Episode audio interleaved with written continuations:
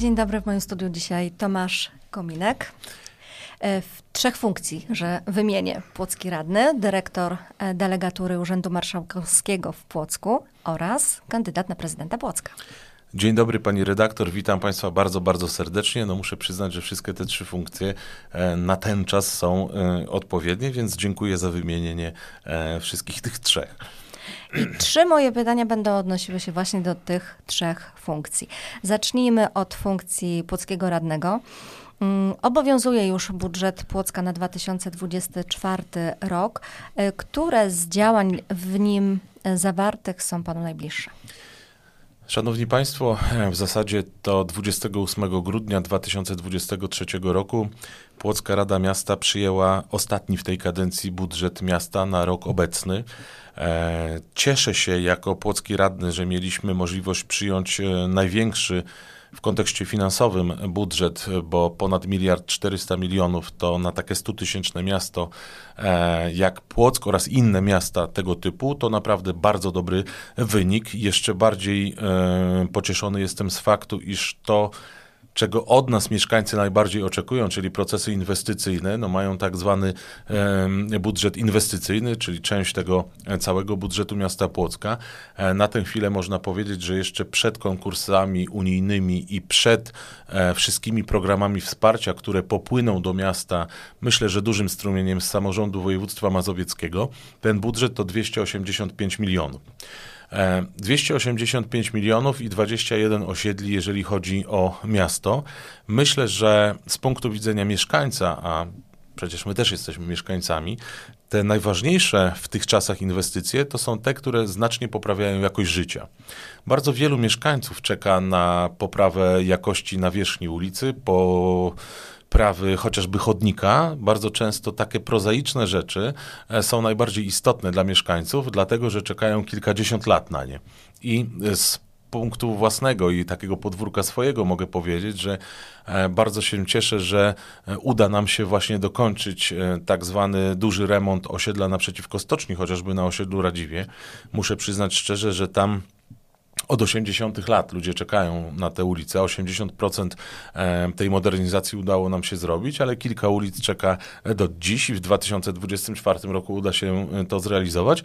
I taka inwestycja w drobną uliczkę e, czasami jest ważniejsza niż te inwestycje czasami rzędu 200 milionów, bo one naprawdę mają taki realny wpływ na poprawę jakości życia danych mieszkańców i z tego się bardzo cieszę. I muszę powiedzieć, że na koniec kadencji jestem dumny z tego, że udało mi się wprowadzić do budżetu dwa takie zadania polegające na tym, żeby e, zrobić e, coś miłego dla dzieci i młodzieży. To znaczy nasze place zabaw przy szkole podstawowej numer 5 i przy miejskim przedszkolu numer 13 wymagają modernizacji, no zużyły się po prostu. I cieszę się, że te dwa zadania znalazły się w budżecie, to znaczy kompleksowa modernizacja jednego i drugiego placu zabaw za blisko 800 tysięcy złotych. To jest dla mnie taka kropka na D, jeżeli chodzi o zakończenie tej obecnej kadencji samorządu, bardzo specyficznej, ponieważ ponad pięcioletniej. E, no i muszę powiedzieć, że myślę sobie, że inni radni są również zadowoleni z takich małych rzeczy na swoich osiedlach e, takich rzeczy, na które mieszkańcy czekają, tak jak powiedziałem, kilkadziesiąt lat, które w zasadzie w sposób e, znaczny podnoszą jakość e, naszego życia. Nie są to może ekstraklasowe e, kwestie związane ze stadionem, czy z filharmonią, czy z innymi takimi dużymi inwestycjami, ale to są naprawdę ważne kwestie dla mieszkańców i powiem szczerze, że z punktu widzenia nie tylko swojego osiedla, ale pozostałych 20 osiedli, bardzo się cieszę, że właśnie takie rzeczy przy naszym współudziale, współodpowiedzialności znalazły się w tym budżecie, chociaż tak jak mówię, bardzo mocno pracuję też jako radny miasta, ale nie chcę wyprzedzić jakby, e, ale również e, przedstawiciel jakby marszałka i samorządu województwa mazowieckiego nad tym, żeby jak najwięcej środków finansowych z tych programów wsparcia przyszło do Płocka, bo wtedy będziemy mogli jeszcze ten budżet inwestycyjny podnieść o kolejne miliony, o kolejne setki tysięcy na fajne, ciekawe, interesujące oczekiwania mieszkańców. No i w ten sposób płynnie przechodzimy do drugiego pytania do pana jako dyrektora e, Płockiej Delegatury Urzędu Marszałkowskiego. Wiem, że był pan e, ostatnio na spotkaniu z ministrem infrastruktury. E, o czym panowie rozmawialiście? Tak, to bardzo poważna kwestia. To jest kwestia taka, na którą ja czekałem od wyborów 15 października. Okazało się, że e, mój kolega, e, że tak powiem, spod jednego znaku politycznego został dalej wicemarszałkiem Sejmu, mam na myśli Piotra Zgorzelskiego. No i w momencie, kiedy trzecia droga e, bierze współodpowiedzialność za to, co będzie się działo w naszym kraju w najbliższej kadencji parlamentarnej, okazało się, że mm, Ministerstwo Infrastruktury, Ministerstwo Infrastruktury jakby podlega pod, pod ten, tę część koalicji z 15 października, za którą odpowiada Polskie Stronnictwo Ludowe i Polska 2050. Na czele tego ministerstwa stanął minister Dariusz Klimczak, człowiek, który rozumie bardzo dobre, bardzo dobrze samorządy, ponieważ przez wiele lat, przez 10 lat, odkąd 28 lat skończył i dokąd miał 38 lat, był e, wicemarszałkiem województwa łódzkiego. Muszę przyznać szczerze, że my wcześniej się e, mieliśmy okazję poznać z racji właśnie mm, pracy na różnych stanowiskach, a ja jako dyrektor delegatury, pan minister jako wicemarszałek województwa łódzkiego, mieliśmy okazję wielokrotnie rozmawiać na tematy ważne dla, e, dla regionalnego, e, że tak powiem, samorządu. I muszę powiedzieć szczerze, że spotkaliśmy się po raz pierwszy, ale nie po raz ostatni, ponieważ nawiązaliśmy ze sobą bardzo dobry kontakt, ale też wiemy, że nawzajem będziemy spotykać się po to, żeby rozwiązywać bardzo ważne i istotne sprawy dla Płocka, dla regionu, dla, Ma dla Mazowsza, można powiedzieć na zaproszenie e, e, kolegi marszałka Piotra Zgorzelskiego. Wspólnie z kolegą starostą Sylwestrem Ziemkiewiczem udaliśmy się na pewną uroczystość taką bardzo istotną z punktu widzenia ruchu ludowego, bo to była 150. rocznica urodzin Wincentego Witosa. Złożyliśmy pod pomnikiem kwiaty i następnie w gabinecie u pana marszałka rozmawialiśmy po pierwsze E, po pierwsze i na tyle skutecznie, e, że mamy pewne plany w kontekście Wisły, w kontekście pogłębiania. Ba, powiedziałbym na dziś u Pani w studiu, że to są pewne elementy gospodarki wodnej, które muszą być zmienione po to, żeby nasi mieszkańcy czuli się bezpieczni niebawem, bo myślę, że do połowy lutego poznacie Państwo i Pani redaktor efekty tej pracy. Liczymy na to, że, że Pan minister też pojawi się w okolicy po to, żeby rozmawiać na ten temat i na pewno z przyjaciółmi z Polski 2050 tu z okolic Płocka, bo jesteśmy umówieni z Sylwestrem e, Ziemkiewiczem i z Piotrem Dyśkiewiczem e, i z Rafałem Nadratowskim Marcinem Kowalskim de facto, czyli pełnomocnikami marszałka Szymona Hołowni, że będziemy dalej uczestniczyć w tych rozmowach z panem ministrem infrastruktury, które dotyczą, e, że tak powiem, szeroko pojętego obszaru infrastruktury drogowej, która jest poza granicami naszego miasta, ale która ma generalnie w przyszłości myślę, że kluczową rolę, jeżeli chodzi o komunikację miasta naszego w ogóle z innymi regionami e, Polski, ma kluczową rolę, jeżeli chodzi o infrastrukturę drogową zewnętrzną. Oczywiście żadna tajemnica, że mówię tu wstępnie e, o dialogu w kontekście przybliżenia trasy S10 dla Płocka. Oczywiście wstępnie mogę powiedzieć, że bardzo interesujące są drogi e, krajowe, czy to 60 czy 62 i z racji tego, szanowni państwo, że to wszystko jakby oddziaływuje i to jest obszar obszar odpowiedzialności ministra infrastruktury, więc będziemy mieli nad czym pracować i z kim pracować. No i myślę, że to jest niepowtarzalna szansa, że jeżeli mamy dziś swoją grupę e, z trzeciej drogi, mamy marszałka Sejmu, mamy marszałka województwa i mamy swojego ministra, no to nie kiedy, jak nie teraz, mhm. wykorzystać tę szansę w najbliższych latach, żeby jak najwięcej dobra dla naszych mieszkańców Płocka, ale też regionu płockiego i, że tak powiem, tej części e, Mazowsza zorganizować. No i te prace merytoryczne, te rozmowy merytoryczne e, się rozpoczęły i mam nadzieję, ja, ja deklaruję, że zobaczycie Państwo w najbliższych tygodniach, że to nie były tylko rozmowy, tylko za tym pójdą określone czyny merytoryczne i fakty, które wpływają na bezpieczeństwo e, Płocka, Płoczczan e, i mieszkańców podregionu płockiego. Nie da się ukryć, że Płock jest wykluczony komunikacyjnie, więc e, na pewno takie działania w tym zakresie będą ogromnie przydatne. A o pogłębianiu Wisły i generalnie żeglowności na Wiśle. Mówił też marszałek Zgorzelski u nas w tym studiu, więc są tak, to no, niezwykle no, no, no powiem szczerze, naprawdę, szanowni państwo, mamy niewątpliwie e, szansę, żeby te nasze narzędzia, które się pojawiły, też nasze relacje, nie ukrywajmy tego, ale też naszą wiedzę i zrozumienie tego problemu e, w pewien sposób przekuć z korzyścią dla mieszkańców Płocka i subregionu płockiego. No mówię, no kiedy jak nie teraz, jeżeli my wszyscy jakby stanowimy e, jeden zespół polityczny, który naprawdę może coś dobrego dla mieszkańców zrobić. No muszę powiedzieć szczerze, nawet mamy już konkretnie zaplanowane jakby te, e, te poszczególne tematy w kontekście pracy merytorycznej, a nie tylko konferencji prasowych, z których nic nie wynika. Mhm. I ostatnie pytanie do kandydata na prezydenta Płocka. E, po raz drugi pan e, kandyduje na to stanowisko. Skąd ta decyzja?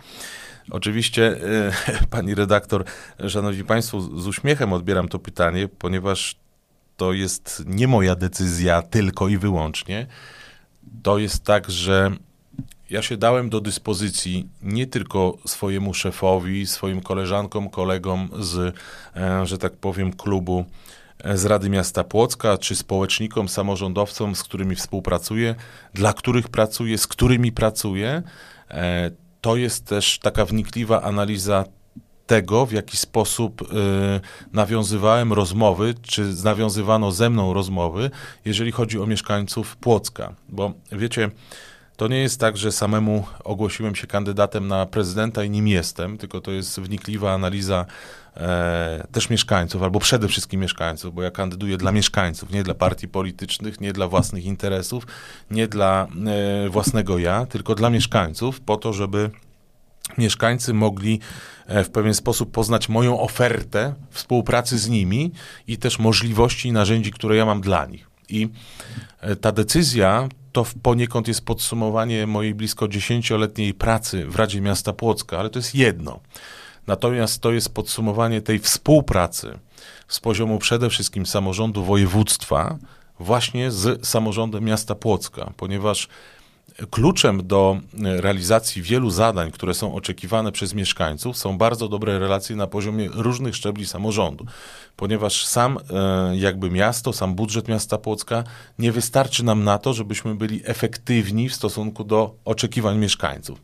Wydaje mi się, że poprzez to, że e, miałem bardzo dobre możliwości współpracy ze swoim szefem, byłem dobrym łącznikiem pomiędzy samorządem miasta a samorządem województwa mazowieckiego, mam określone jakby y, narzędzia, wiedzę i dziś y, dodatkowo jeszcze te narzędzia, które pojawiły się na poziomie parlamentarnym, bo my tylko poruszyliśmy dziś spotkanie e, z panem ministrem infrastruktury Dariuszem Klimczakiem, natomiast tych spotkań będzie więcej, planów jest znacznie więcej, natomiast no, jakby skromnie, ale muszę powiedzieć, że e, jestem tu pewnym też łącznikiem pomiędzy tą naszą grupą parlamentarną, po to, żeby mógł e, w pewien sposób podawać rozwiązania na problematykę, która nas dotyka jako, jako mieszkańców. Jestem innym kandydatem niż pięć lat temu, ponieważ moje doświadczenie, moja praca, moje zaangażowanie, moje umiejętności oraz myślę, że te kwestie, które mogłem popracować z ludźmi, a to jest dla mnie najważniejsze, praca na co dzień z ludźmi. Niektórzy opowiadają na internecie różne rzeczy, wypisują komentarze, czasami często hejtują.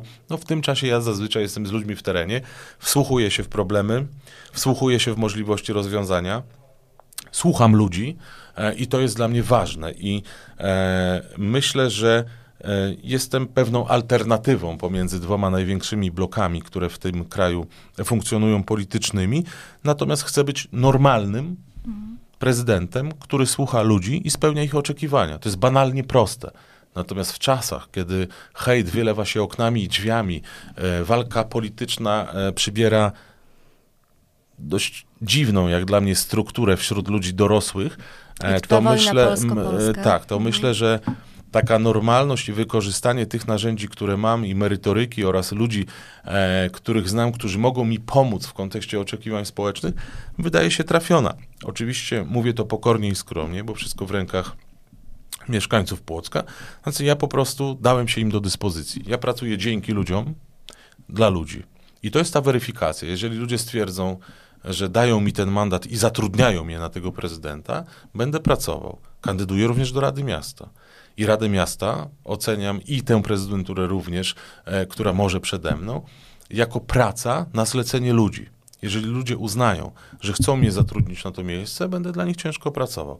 Natomiast to wszystko jest w ich rękach.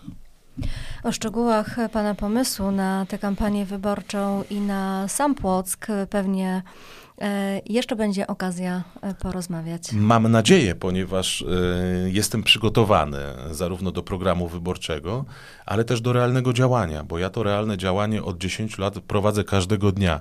E, tak naprawdę i dla miasta, i dla regionu, i przy współudziale wielu społeczników, wielu samorządowców, też polityków, bo pamiętajmy, że jeden człowiek nie jest w stanie zmienić świata, jeden człowiek nie jest w stanie spełnić oczekiwań mieszkańców, ale jeżeli znajdzie się grupa ludzi, którzy naprawdę chcą zmienić rzeczywistość na lepszą i robią to każdego dnia, mimo różnych problemów, to naprawdę coś z tego wychodzi. I wychodzę z założenia, że to jest jedyna słuszna koncepcja prowadzenia, że tak powiem, się przez działanie społeczne, przez działanie samorządowe i również działanie polityczne. To o planach obiecuję, mm, że jeszcze porozmawiamy, a tymczasem bardzo dziękuję panu za rozmowę. Moim gościem był Tomasz Kominek. To ja bardzo dziękuję. Do zobaczenia, do usłyszenia e, i do następnej rozmowy.